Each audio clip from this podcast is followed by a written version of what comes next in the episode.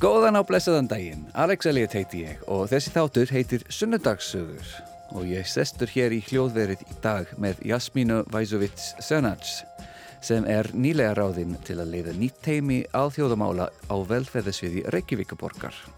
Teimið hennar ber ábyggð á þjónustu við einstaklinga, börn og fjölskyldur af elendum uppruna í Reykjavík. Sjálf flutti hún hinga til Íslands 15 ára gömul frá landi sem í dag heitir Bosnia-Herzegovina en sem var þá í stríðs ástandi. Þetta er eina fjölmörgum ástæðum fyrir því að hún er svo fær nýja starfinu síni. Jasmína, velkomin. Takk fyrir, takk fyrir að bjóða mér. Já, Virkilega spennandi. Máli. Þetta er spennandi, já, þessi þáttur, já, en nýja starfi, þetta verðist vera mjög spennandi fyrir þig. Já, þetta er náttúrulega nýja áskoranir sem ég elska. Ég elska að henda mig svona í djúbulauina og reyna að leysa.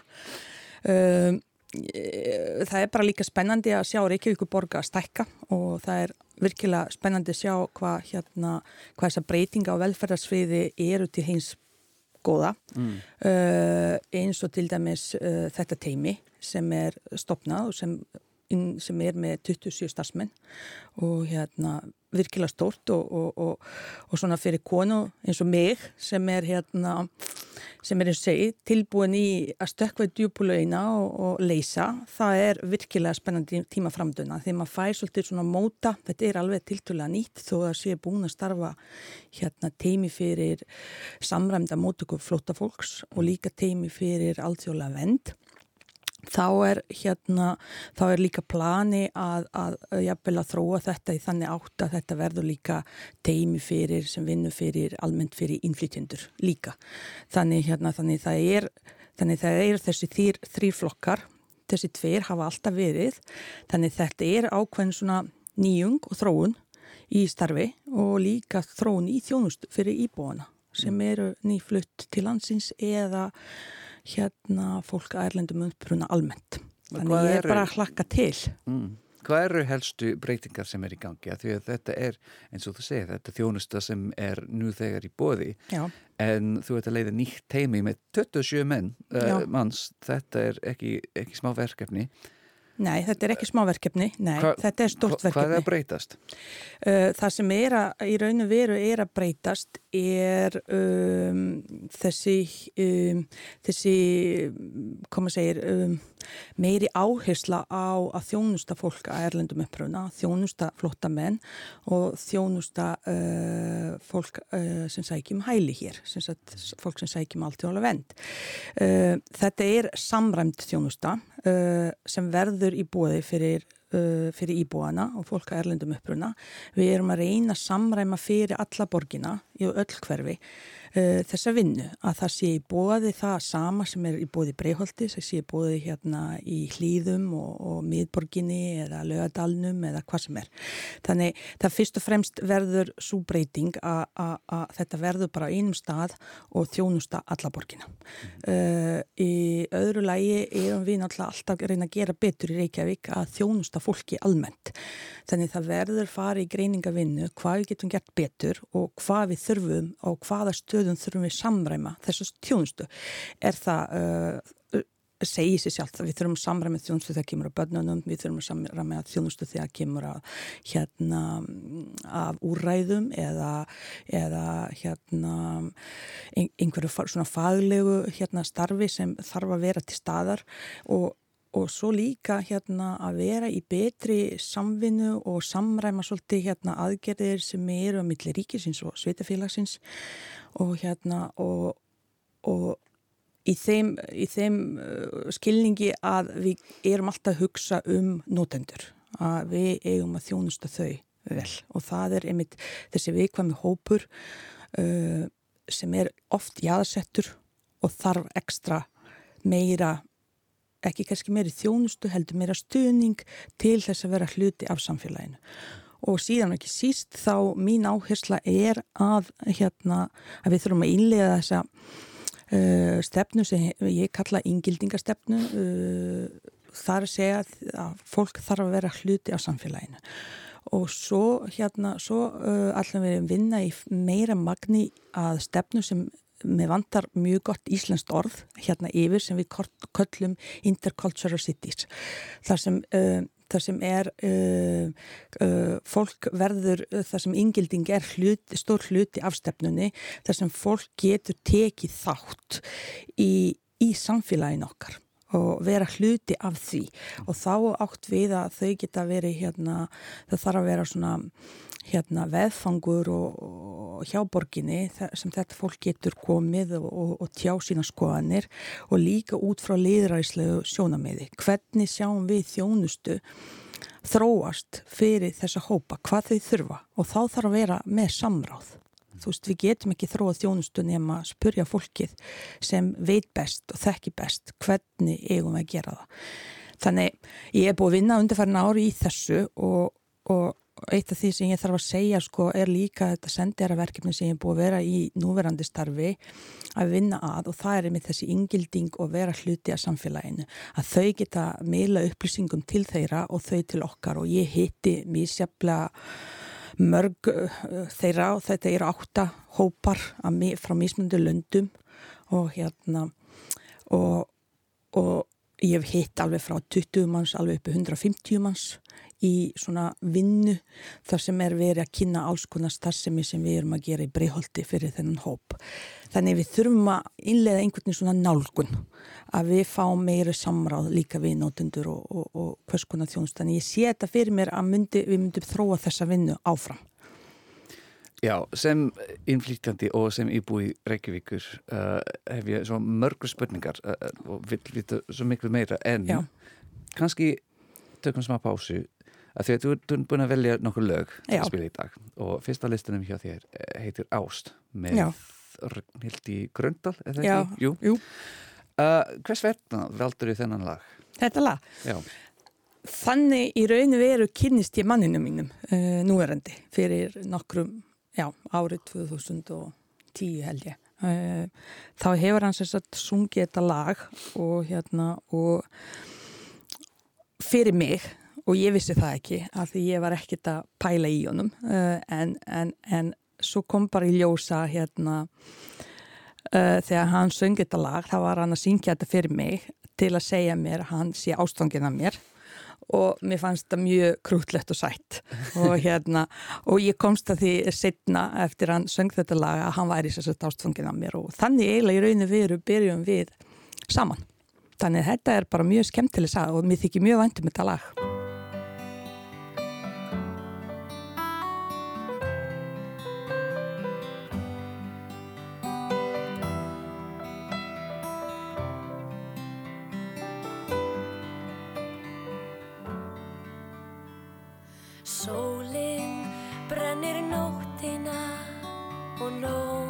slökkvir dag. Þú ert atkvar mitt fyrir og eftir sólalag Þú ert yndi mitt áður og eftir að dagur ís Svölun í sumarsins eldi og sólbráð á vetrarins ís Svali á sumadögum og sólskinum vetranótt Þögn í seiðandi solli og söngur ef allt er hljó Söngur í þöglum skóum og þögn í borganati Þú gafst mér jörðina og grasi og Guð á himnum að við. Þú gafst mér skín á fjöllin og Guð til að styrkja mig. Ég fann einhvað lífið var fagurt fyrir en ég elskaði þig. Ég fættist til ljósins og lífsins en lærði ég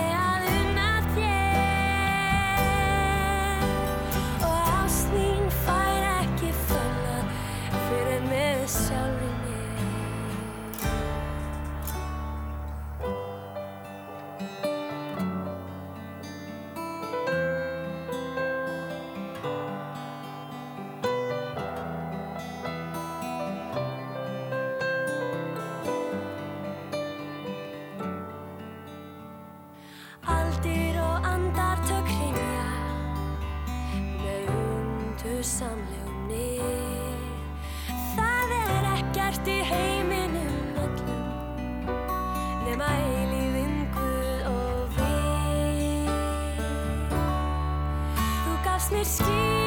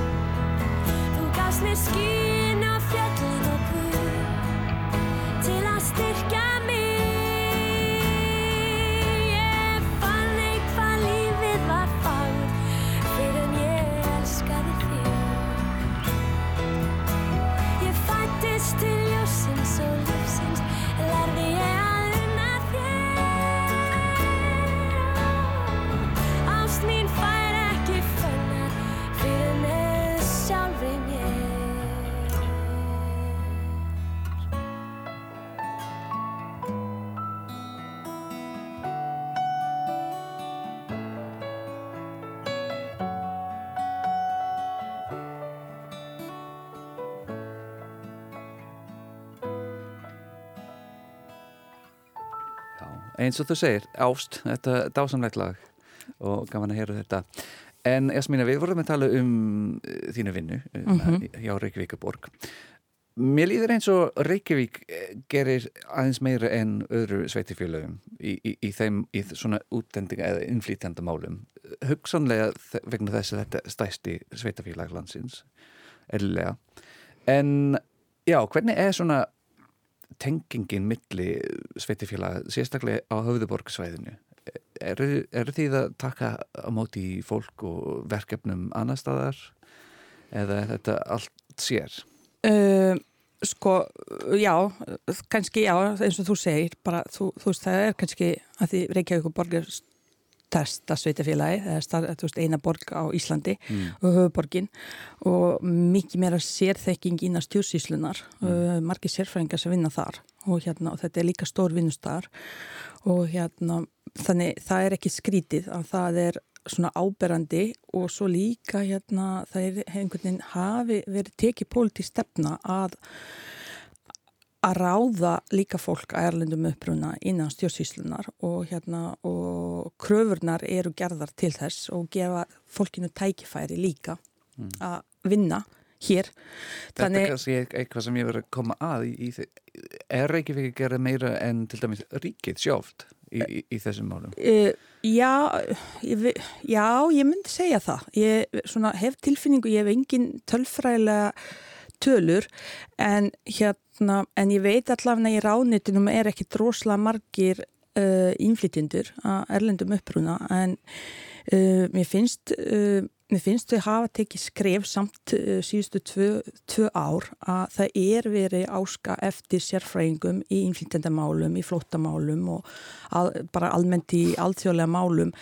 Og það er einmitt fólk af erlendum uppruna sem hefur þessa sérþekkingu, hvort sem er að þau sé búin að menta sig úti en það er líka þessi lífsreynsla að koma og, og, hérna, og vera innflytjandi sjálfur í landi, í nýju landi. En En Reykjavík og Borg hefur tekið markvisa óbyrmbara stefnu í til dæmis að ráða fólk af erlendum uppruna þar sem er hérna kröfunar eru gerðar í hérna í ráningum að þú kunni til dæmis ákveðna að þú hefur ákveðna hæfni til dæmis í íslenski tungu. Að núna til dæmis ef þú hefur hæfni sem er mælt í, í stöfum A, B og C A1 og B1 eða eitthvað.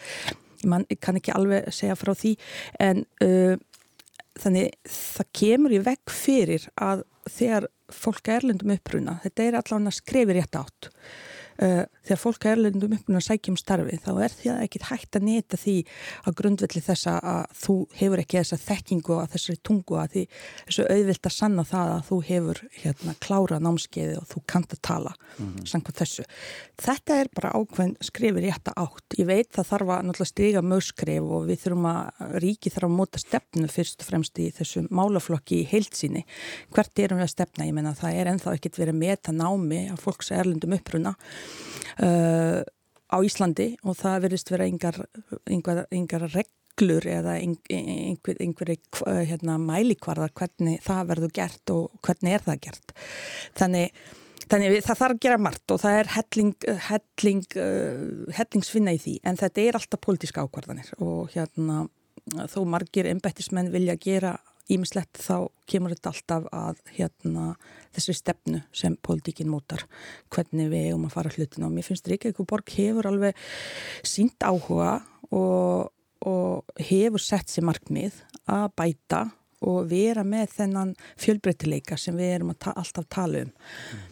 Ég meina hvernig á endurspegla samfélagið ef segjum það að það sé 20% að erlendum uppruna á Íslandi.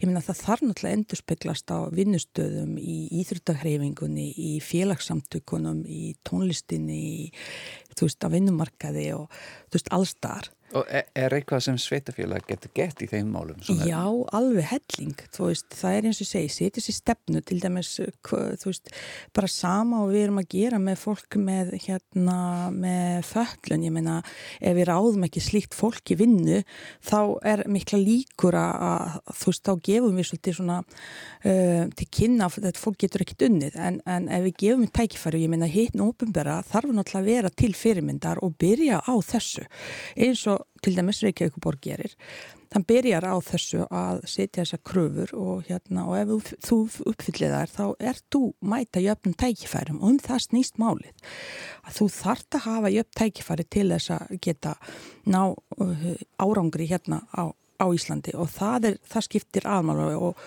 og sveitafélög þurfa náttúrulega að setja sér stefnu í þeim málum. Hversu hérna erum við með fólk með fallanir í vinni hjá okkur, erum við fólk að erlendum uppruna hjá okkur, erum við með hérna Uh, hérna fólk uh, samkynnið eða, eða veist, þetta er hlutvöldi sem þarf endurspæð, þetta þarf að vera flóra og þetta þarf að vera ellilegt að þetta sé bara normið, að þetta sé eitthvað ekki fréttnæmt þegar einhver innflytjandi fæ starfið þú veist, þá hafa ekki vera eitthvað sérstaklega fréttnand ekki frekar en íslendingur en, en í dag er það þannig vegna þess að við erum ekki komin á þann stað og sveitafjölu getur sett sér til dæmis markmið í því.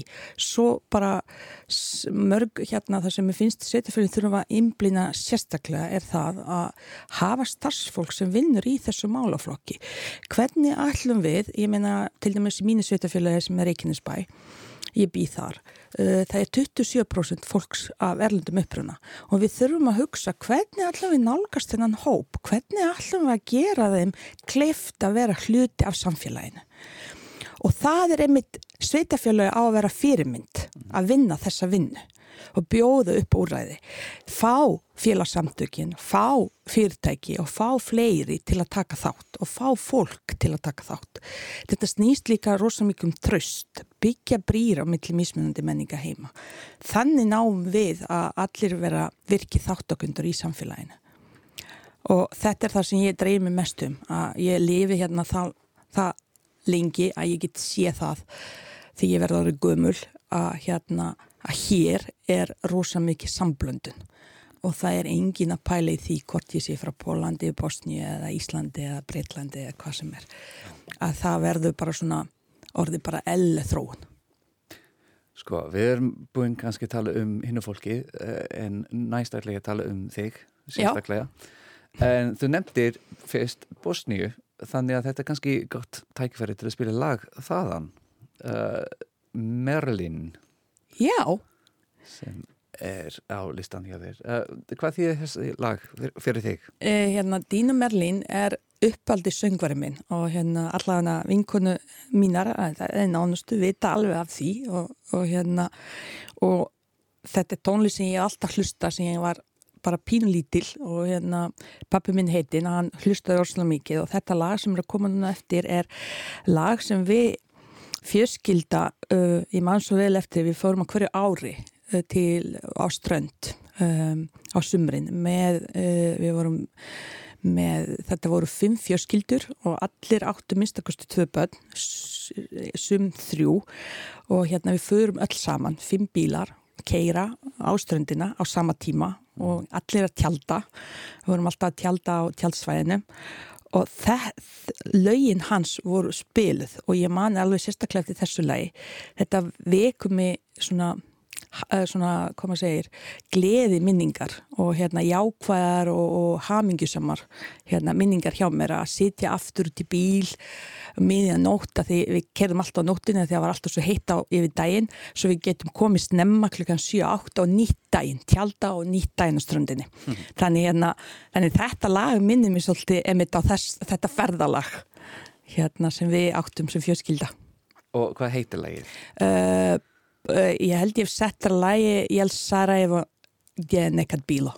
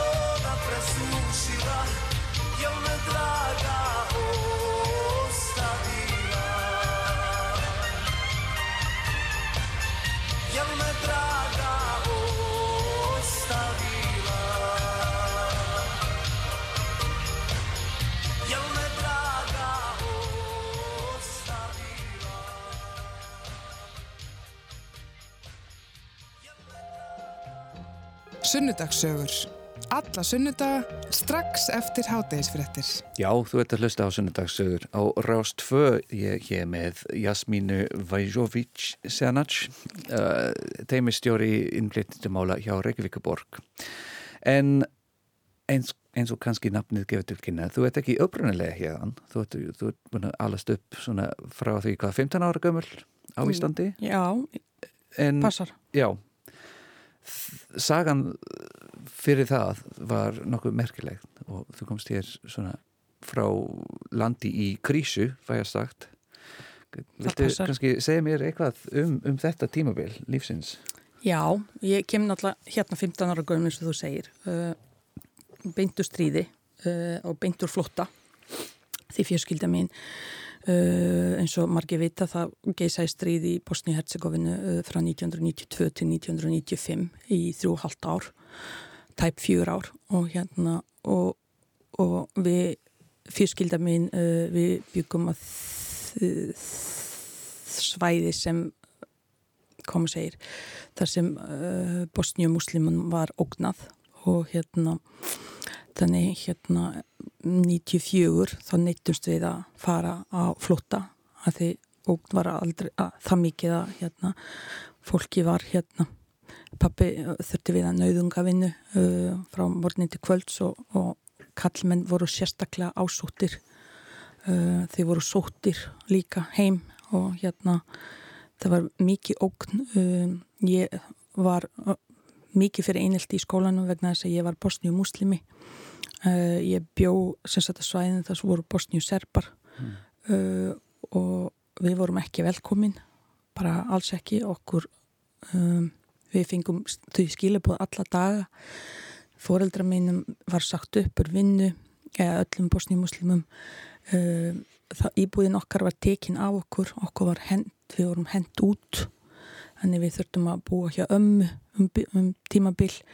Uh, pappi eins og ég sagði vann nauðunga, nauðungavinnu uh, við áttum náttúrulega ekkit pening við gætum ekki síða fyrir okkur okkur var ógnað alla daga. Nágrannin okkar voru sóttir uh, voru lamin í klessu uh, voru fangilsæðir uh, fjörskildu og vinir voru upplifa alveg eins.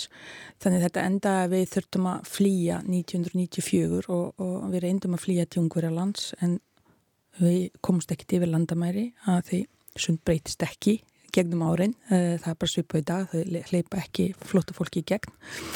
Og hérna og við lendum í því að okkur var ekki hleypt í gegn þannig við þurftum að snúa við og í kjölfari þess endum við hérna Rauðakrossin hjálpa okkur að fara yfir sem sagt svæði þar sem bosníu múslimar voru uh, að halda og, og ég bjóð þar í tvö ár og þar eiginlega Í, í Bosníu? í Bosníu, já, í sama heimalandi en bara yfir hitt svæði sem var hérna haldið af eins og maður segir okkar fólki inn á gæsalappa.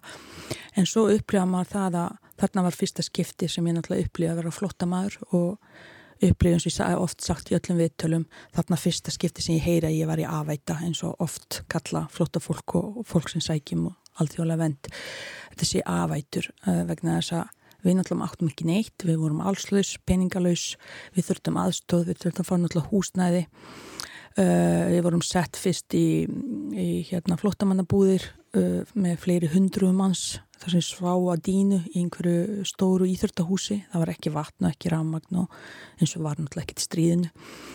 Og hérna takmarka lítið mat bara held ég einu sinna dag og hérna og, og þetta gekk ekkit upp. En svo fengum við útlutað hérna því mamma og pappi gáðst ekkit upp en fengum útlutað hús hérna við hérna uh, frá sérsett bænum þar sem Bosníu serbar voru að yfirgefa. Og hérna og við áttum að passa það að meðan ástandi er svona. Uh, þá fengum við þetta og þetta var mjög ellett á þessum tíma að því það voru allir að flýja, það voru ekki þú veist, Bosníu serbar voru ekki betur settir Bosníu megin uh, heldur Bosníu musliman Serbíu megin, eða þú veist, serbska lifveldis megin þetta var bara mjög skríti ástand. Uh, þannig já, þannig við byggum þar í tvö ár og, og ég upplefði mikið einelti í skólanum, ég var ekki velkomin sem, sem flóttamaður uh, og segi, við vorum afætur. Ástandi var þannig að það er náttúrulega óskup elle, það er takmarka mat. Það eru saminu þjóður sem er að hérna, á Rauðakrossin sem er að útvega mat og deila út á fjöskildur auðvitað þegar koma fleiri flóttamenn þá verður náttúrulega minna mat fyrir alla hina. Og það var náttúrulega það var náttúrulega það að það myndaðist við vorum ekki eins og maður segir okka fólk. Við vorum bara afætur eitthvað fólk sem kemur bara einhverstað frá þó að það sé sama eins og segi, sama þjóðurni þess vegna segi ég í dag að það skiptir ekki máli hvers konar þjóðurni þú ert. Það bara skiptir máli hvers konar manneskja þú ert. Og hérna og á aldrei á aldrei að skipta fólk í einhverja hópa eða einhverjar hérna þjóðurnishópa eða, eða skilgreina þetta einhvern öðruvísi. Við erum fyrst og fremst mennsk og við, það er bara gott fólk og vond fólk. Það er nú ekki flóknari það í mínum huga. Þannig já, þannig því ég kem til landsins 96 þá kem ég beint sem sagt úr flóttanum. Og stríði reyndar kláraðist og við komum reyndar ekki sem flóttamenn heldur sem við inflytjendur við fengum dvalarleifi og atvinnuleifi í fiskvinnslu fyrir norðan. Og, og sem sagt sóttum úti og, Já, við sóttum bara, sóttum um atvinnuleifa, dvarleifa, þeim tíma var tilturlega auðvelt. Man, að- manstu hvers vegna Ísland við- var fyrir valinu? Já, það var mjög einfalt. Eh, Mamma átti bræður hérna sem byggu hér á Íslandi. Eh, Eitt þeirra býr ennþá hérna í landinu og hérna og hann uh, átti frumkvæði. Mamma að koma að hjálpa okkur að því við vorum allslus. Við byggum í húsneið sem við áttum ekki og við áttum engi hús, húsgögn, við áttum ekkert, við áttum bara fött sem við, sem við komum með og bara búið. Uh, það var tekið allt frá okkur uh, heima, sem sagt í mínum heimabæ og svo náttúrulega fengum við útlutað þegar við vorum flottamenn, þannig við áttum bara ekkert. Og það var náttúrulega engin atfinna að öll innviði landsins voru náttúrulega skemmt og sprengt upp og, hérna, og það þurfti hefjast uppbygging. Og, og þá, já, þá bara um, grátbáðum bróður sinn að hjálpa sér og hann ákvað að spyrja hérna í fyrirtækinu fyrir norðan hvort gæt mögulega vanta fólk í vinnu og það var bara já, fengur svar. Og hann sagt, hjálpar okkur að sækja um atvinnulefi og dvarlefi og það kemur mjög fljótlega í gegn. Og þannig komum við til landsins til Ólasfjörðar vá, þetta er magna saga og ekki skemmtilegð upplifin ég, ég, Já, ég ávalla orð en uh, í staðin fyrir það kannski meiri tónlist og svo tölum við um Ólafsfjöð Já, endilega. Uh, Þetta er annar lag frá Bosníu Herzegovinu, Indexi. Já, það er bara hljómsveit sem mér þykir mjög væntum og þessi söngvari er um, dáin uh, í dag en pappi minn heitinn sem ég tala svo oft um og sem var mjög góð fyrirmynd allan fyrir mig, við erum mjög lík og hérna, eða vorum lík.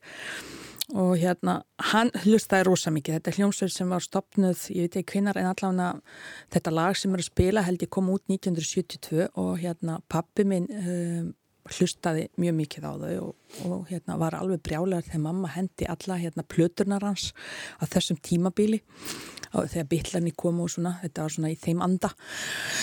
Og hann hérna uh, þegar þessi stríði um, já, kom að segja, ekki byrja heldur svona undibúning og allar þessar erjur og maður fann alveg fyrir því að þetta var að fara á stað þá, uh, hérna, þá var haldi alltaf svona reglulega svona tónleikar fyrir frið eins og maður kallar uh, og þetta lag, ég man svo vel ég satt inn í stofu og, fyrir fram að sjónvarpið og horfiði á þessa tónleika.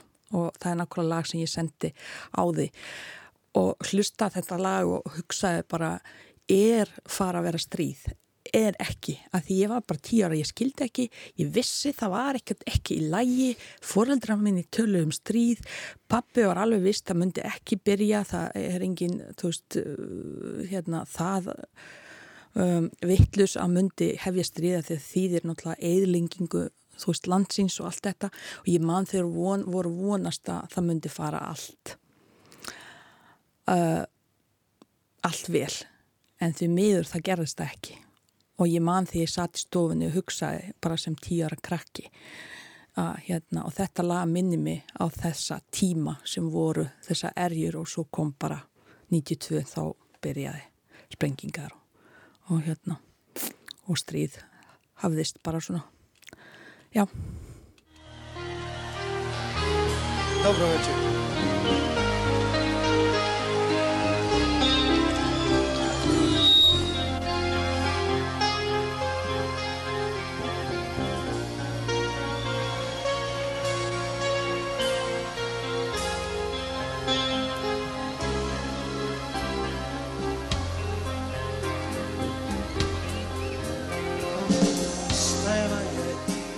Bašte kao najljepši cvijet.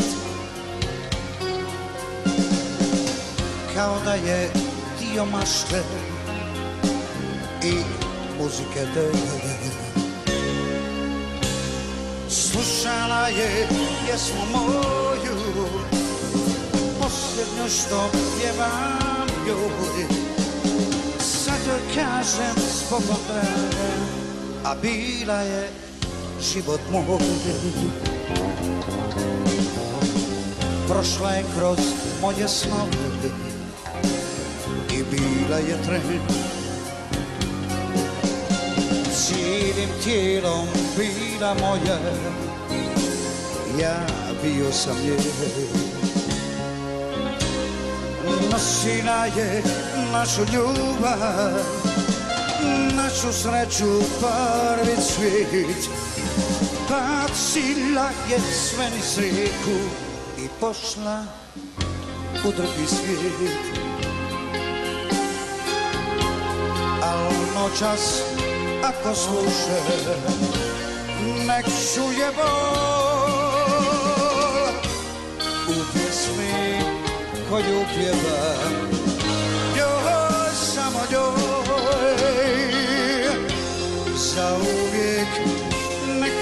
si na srdcu znak. Život je dáno nám, páči nám.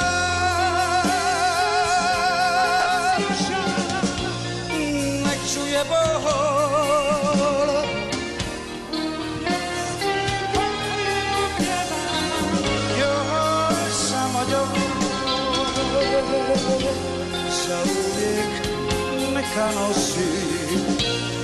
myself so snug.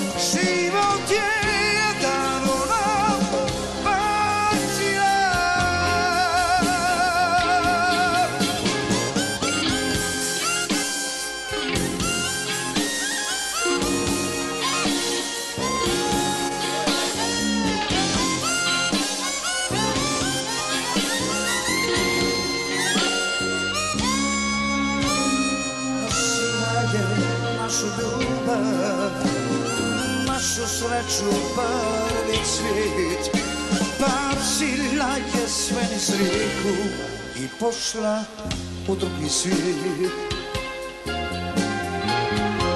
Al noćas ako sluša Nek čuje bol U pjesmi koju pjevam Joj, samo joj. Za neka nosi Na srcu znak Život je jedan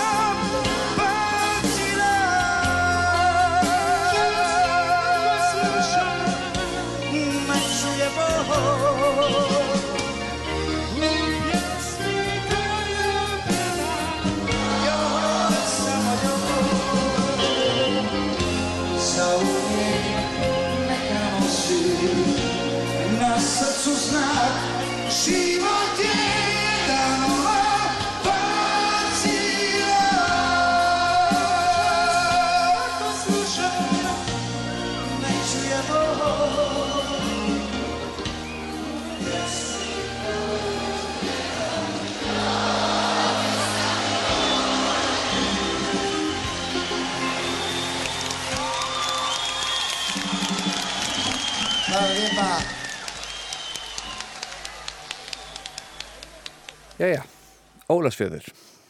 já, Þetta verist ekki vera mjög lík Bosníu. nei. Sérstaklega fyrir unga krakki sem er nýkominn til landsins. Um, hvað mannstu eftir þessu fyrstu, fyrstu daga, fyrstu vikurnar það fyrir nóðan? Ég var að rifja þetta upp sko hérna vegna þess að núna í desember á milli jóla og nýjast 29. desember þetta var fyrsta skipti sem ég kem til Íslands og það var 25 ár og hérna og ég fór að rifja og reyna, reyna að finna svona myndir. Ég man eftir því að hérna uh, fyrir það fyrsta lendum við náttúrulega í Reykjavík og frendi okkar tók á mót okkur og hérna síðan tökum við flug til Akureyrar og hérna og þegar ég lendi að Akureyri og við vorum að keira til Ólarsfjörðar þá fannst mér ég vera að lenda á Mars. Bara svona upplifun það voru yngi tré, mikið snjór og, og hérna og ég vildi vera svo heppin að ég kefti mig samlöku ég lendi bæði í flugvilinni að þegar milli jóla og nýjás að borða hangikjött sem ég fannst bara hræðilega vond. Ég bara aldrei upplega annars ég hugsa mig hver borða svona. Og svo lendi ég að samlokunni líka hérna í flugstöðinni að kaupa mig samlokum í hangikjöti. Og það var ekki, ég hugsaði með mér og vá, þeir eru bara, bara skríti mat, þú veist, það er bara eitthvað sem er bara ekki ætt að mínu mati, ekki þá sko. Og sem náttúrulega unglingur og matfund líka. Mm. og hérna og, og svo náttúrulega kemur bara úr stríðinu sem segi það var ekkit mikið þú veist það var mjög einfægt að borða. Uh, þannig þetta er svona við, viðbreyð og ég hugsaði mitt þá vá, hvernig, hvernig skildi þetta vera? En á sama tíma hugsaði ég við erum örug loksins. Veist, það er einhvern öryggi það býður okkur vinna, það býður okkur húsnæði það býður okkur veist, betri tímar í rauninu veru. Þetta er langt frá öllu. Og ég var ekki að mikið uppdykkin á tungunni eða eitthvað svona, ég hugsa með mér maður hlýtur að geta lært veist, tungumálið. Og hérna og svo komum við bara í húsnæði og mér fannst ég vera bara eins og í Beverly Hills ég hef oft sagt þetta þú veist, koma úr stríði, koma úr ísköldu húsi og, og það sem ég þóði þvott í mínus 15 gráður úti að því það var engi rafmagn og ekkert vatn og hjálpa mömmu og hérna að koma svo bara í hús þar sem er allir hafa sítt herbergi allt upphittað heitt vatn úr krananum mm. Þú veist og bara rennandi vatn almennt ramvagn, ljós og þú veist þetta var bara Vistu það, mér fannst ég upplefa mér sem við erum á Beverly Hills. En það tók samt tíma, ég veðkenni það alveg, það tök alveg 2-3 ár og jáfnveg lengur þar sem ég var alltaf með plan B. Þú veist, öryggi og þar sem ég hugsaði hérna þú veist, er þetta, veist, er þetta staður uh, þar sem maður getur í rauninu veru gert eitthvað, veri eitthvað úr manni eða ég kem náttúrulega hinga 15 ára gömul og ég fer beintuna út á vinnumarkaðin mm. uh, bróðum minn fer í skóla grunnskóla eða yngri. En ég var búin sko uh, út í Bosníu var hérna þá var ég búin með eitt og halvt ár í framhaldsskóla, í mentaskóla því ég kem hérna til Íslands. Og þegar við klárum í rauninu veru 14 ára gömul uh, grunnskóla en það sem ég var hérna, það sem ég var ári undan, ég byrjaði ári undan í skólanum, uh, 6 ára í staðin fyrir 7 ára, það náði ég að klára sagt hérna uh, eitthvað framhaldsskólanum áðin ekki mingað.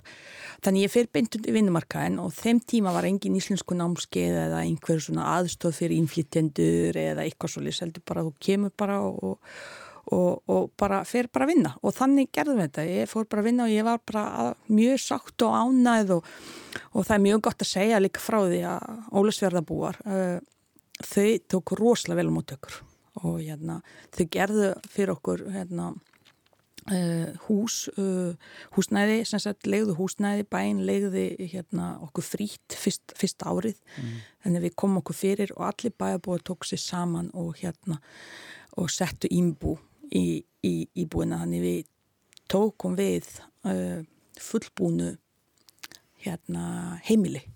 Við þurftum ekki að kaupa neitt.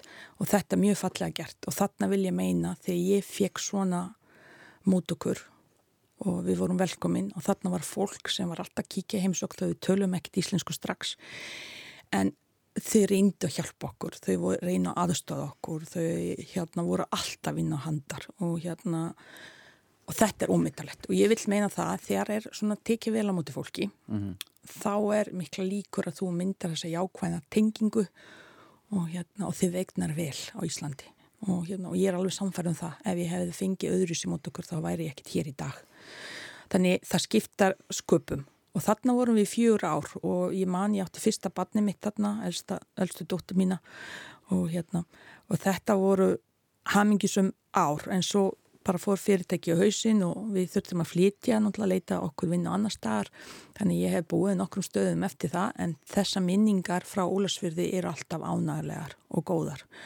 Og mér þykir mjög vænt og ég held en þá tengsl við þó nokkra fjörskildur en þá og ég var, eins og ég var mjög fljótt að læra tungumálið. Það tók mér einhverja 5-6 mánu það var ég farin babla, svolítið slatta.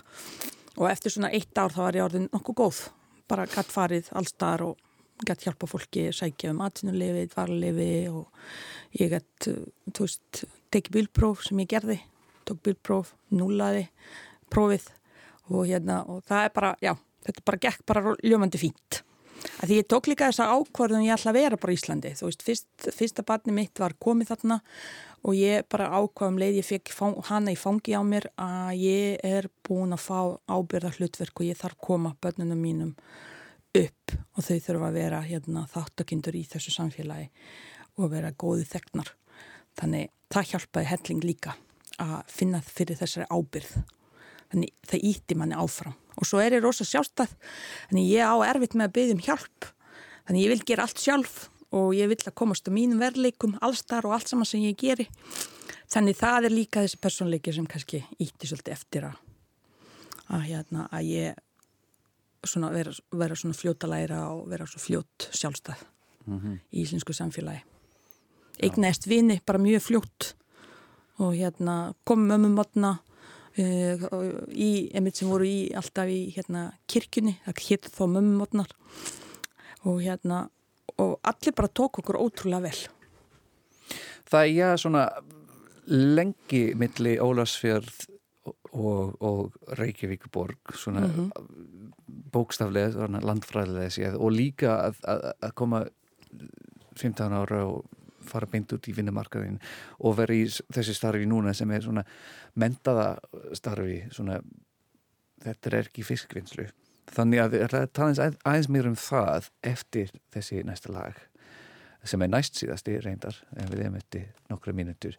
Um, hvað heiti næsta farin Já, íslenska lagið Ísken, ne, þú ert með tvö íslenskleg Já. Já, ok.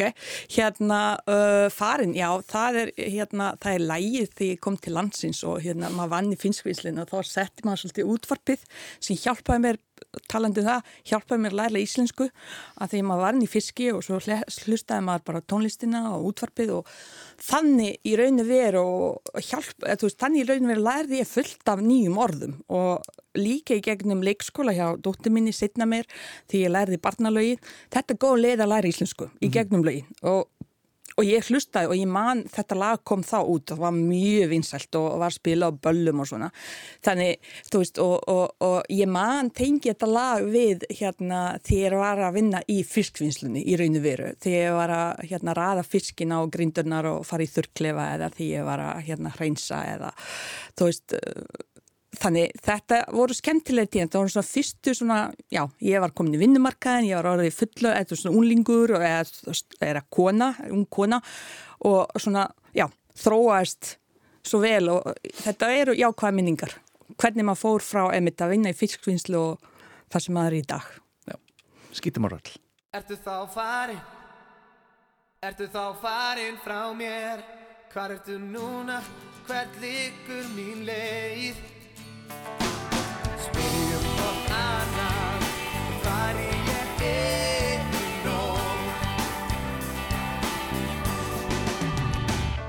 Það er liðin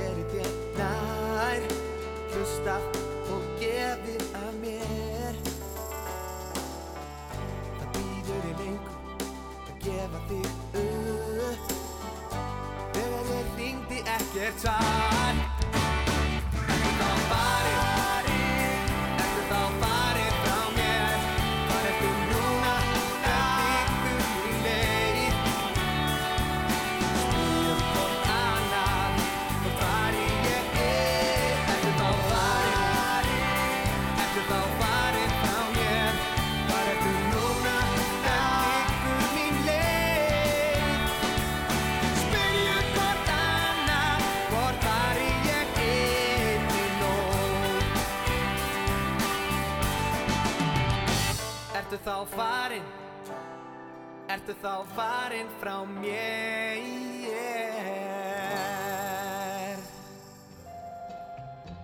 Þú ert að hlusta á Sunnudagssögur. Alla sunnudaga klukkan 12.40 á Rástvö. Já, þetta er sunnudagsögur og ég er með Jasmínu Vajovic Sunac og Takk fyrir. við, við vorum að tala um fyrstu árin á Íslandi en þetta var svolítið langt síðan svona, og fyrir norðan, nú ertu hér fyrir sunnan, Hver, hvernig gerðist, hvernig, hvernig fluttuðu hingað söður til, til að byrja með? Já, sko, þetta gerðist þannig bara að ég um, flutti eftir Ólafsfjörð, þá mistum við vinnuna, fyrirtæki fór á hausinn og við vorum atvinnulegs og við vorum að leita okkur náttúrulega vinnu. Þannig við fluttum í Ólafsvík þar sem við fengum uh, vinnu þar.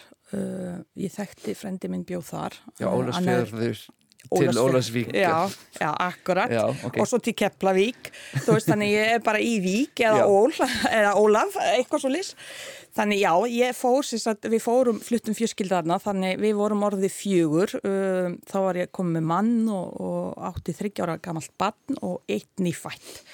Uh, 19 ára gömul, þá fly- flytjum við sagt til hérna til Ólafsvíkur og og ég fæ vinnu í skólanum. Þá var ég orðið bara mjög klár í íslenskunni talaði mjög vel og ég fæ vinnu í skólanum sem skólaliði og, og vann þar í tíu ár í, í Snæfellsbæ og eignaðist fullt af vinnum og ennþá góð tengsl við markaðna þekkti sveitafélagi út og inn og þarna stunda ég blak í tíu ár og varð Íslandsmeistari með vikingunum, þrísvarsinnum í blaki. Þetta er mín, mitt áhugamál og hérna, þetta voru ljóvitímar og hérna, og þarna eignaðist ég líka hérna þriðabarni uh, okkar uh, og já, og og eftir það þá, hérna, þá lendi ég í alveglegum veikindum mm, árið 2009 þurfti fara í aðgerð á hjartanum. Og í kjölfari þurfti ég að taka mig veikindarleifi ég þurfti í endurhæfingu og, og í endurhæfingunni þá var ég svona hugsa hvað mér langar að gera við lífið þú veist, mér hefur alltaf langa að læra en einhvern veginn lífi gerðist maður eignaðist börn og eignaðist mann eða svo kefti maður hús og kefti hérna bíl og allt þetta eins og maður gengur og gerist. Á Snæfellsnesi þá? Já, Já. og hérna og og, og því ég fór að hugsa hvað mér langaði að gera að því það voru mikla líkur ég væri ekki lengur vinnufær uh, ég þurfti fara í endurhefingu þá, langa, þá hugsaði ég mér hvað langaði mér að gera? Og mér hefur alltaf langað að menta mig. Þannig Þannig ég fyrir að bera þessa hugmyndir uh, upp og það gekk ekkit upp í mínu fyrra hjónabandi. Þannig ég ákvað bara að skilja og hérna, þannig ég er að skilja með minn fyrirvændi mann þarna á þeim tíma og flyti rauninu verið í Mósusbæ og verði í endurhæfingunni þar og setna var ég metin sem örki í rauninu veru að því ég var komið með nokkra sjúkdóma Uh, ég var komin hérna með áfallastreituröskun, með félags eitthvað, ég kann ekki einu sinni að segja allt frá og ég þurfti náttúrulega að vinna á mínu málum. Uh, þetta var náttúrulega áfallastreitan kemur náttúrulega eftir stríð og, og allt sem er búin að vera að ganga ég einhvern veginn innbyrði þetta bara í sjálfu mér og mér var farin að líða illa ég var komið ofsa kvíðaköst Var þetta svona seinbundin? Svona, þetta kom upp árum setna? Já, Já. þetta kom árum setna indi, sko, þetta reyna kom reyndar því að hérna 2000 sex en einhvern veginn náði ég bæla þessu niður og, og loka bara á þetta og þetta var bara auðmingaskapur og ég átti ekki að gera en svo þegar ég lendi í alveglega veikindum með hjarta þá hérna í kjölfari að því þá hérna ykst þetta þessi streyta, söfleysi ofsakvíðaköst, allt þetta þannig ég þurfti að leita mig hjálpar. Og, og þetta gerist allt því ég var í endurhæfingu á Reykjulundi ég fer að raða svolítið kuppunum saman og fer að hugsa hvað mér langar til að gera. Og það sem ég langar að gera er að fara að menta mig og gera lífið mitt betra og, og ég er alltaf verið svona baróttu kona. Síðan ég var bara lítil, alltaf í uppreist mamma lýsi mér alltaf þannig, ég var alltaf í uppreist ég var alltaf að rífa kæft og ég var alltaf að gera hlutinu öðruvísi heldur allir hinnir og hafa öðruvísi skoðanir og öðruvísi sín á lífið bara og hérna og, og þarna ákvæði ég að skilja og byrja bara að breyta og hérna og flýti Mósusbæ og byrja strax í námi. Og, og verð metin síðan öryrki vegna sjúkdóma sem ég bara bæði andlega og líkamlega sem ég fekk uh, út af hjartanum, út af hérna, hérna greindis með nokkara tegundra gikt. Og hérna og, og og fer að hugsa hvað mér langar að gera. Þannig ég bara klára bara studentin hérna á Íslandi, studentsprófið, síðan uh, fer ég í stjórnmálafræði, klára BA, síðan fer ég í mastersnám, uh, klára er svona halnuð mastersnámi en á meðan klára ég diplomanámi í ofnbæri stjórnsýslu, uh, á meðan hérna fer ég í stjórnmál 2014 og hérna og verð fulltrú í velferðanemnd í Reykjanesbæ og síðan verði varabafutrúi og er vel í starfa sagt, innan það og, og tengi svo inn í stjórn veðristnar í pólitíkinni á landsvísu og er bara mjög, hérna, mjög mikið í, sagt, í stjórnmálum bara almennt. Og síðan alltaf uh, fer ég að vinna uh, í innflytjandamálum eftir ég búið að menta mig uh, fyrir að vinna hjá Kópavói og fyrir að vinna hjá Reykjavík og núna í þessu vonandi hérna farsælu líka starfi að næstunni sem ég er að taka við. Mm. Þannig alveg frá því að vera fiskvinnslu og ganga í gegnum stríð og veikindi og, og skilnað og, og lenda ítrykk að vera alls laus eins og maður segir þá hérna þá er þetta bara mjög gott að, að hérna, geta bara sagt að ég er á góðum stað í dag bara mjög góðum stað. En þetta var smá ferli, þetta var erfitt. Ég eignast líka bann 2010 með núverandi manninu mínum 2011 allir segja með núverandi manninu mínum og hann er líka einhverfur og um, uh, þannig það margar áskoranir á meðan ég var í námi, hann var rosalega mikið veikur uh, og uh, svaf aldrei. Þannig að díla við mín veikindi og hans og svo maður minn líka veiktist á þeim tímabili og þetta voru marga áskora með að ég var í námi. Þannig að vera svo á þessum staði í dag og geta fagna lífinu það er ólýsanlegt hvað færi með mikla hamingju og ánægu og fá alla þennan stuðning líka í kringum með því þetta er aldrei einsmannaverk að geta fengið stuðning barnana, stuðning fjörskildur mína og mannsins minns og vína líka í kringum mig að því ég grínaðist oft því ég útskrifaðist úr háskólanámi og diplomanámi þá sagði ég við hann að ég verði vínalaus sennilega því ég hafði mig ekki lítið tíma, ég lærði rosa mikið á nóttunni og svo síndi ég öllum verkum í daginn í vinnu og, og hérna þannig í dag myndi ég segja já að ég er bara á góðum stað Æðisleg. Þetta er svona þessi saga svo flókin og, og, og svona, hér og þar en þetta byggir manni upp og þú veit á, á, á þínum stað í dag gera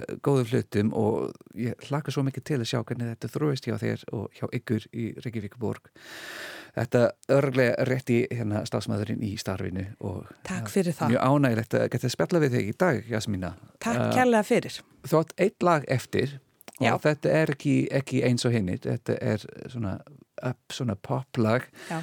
frá Madonu Já, af hverju?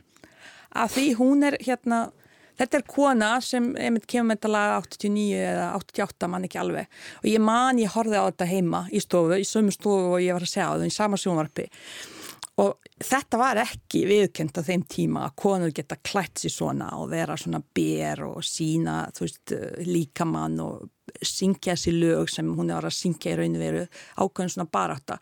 Og þetta minnir mig á hérna á þeim tíma þegar það mátti ekki vera svona, ég man alveg ég hugsaði það, að því ég var eins og ég sagði það var rosalega mikið öðruvísi og, og hérna hafði mína skoðanir og ég samþýtti aldrei að konur áttu bara að vera svona að því bara, að því það er einhver samfélagsgerð sem sagði að þetta á að vera svona. Þannig mér fannst hún vera bara flott og, og síndi það og hérna að það sé hægt, þú þart að berjast þú þart að sína öðruvísi hluti þú þart að vera svolítið öðruvísi fyrir minn til að opna augu fyrir öðrum að hérna hlutinu þurfa ekkert vera svona og breyta þessu normi. Og það er einmitt þetta lag svona í minningu hjá mér minni mig á að, já, að við þurfum að breyta norminu og, hérna, og gera nýja hluti. Madonna, uh, Like a Prayer Jasmína, takk aftur fyrir komin í dag Takk, takk.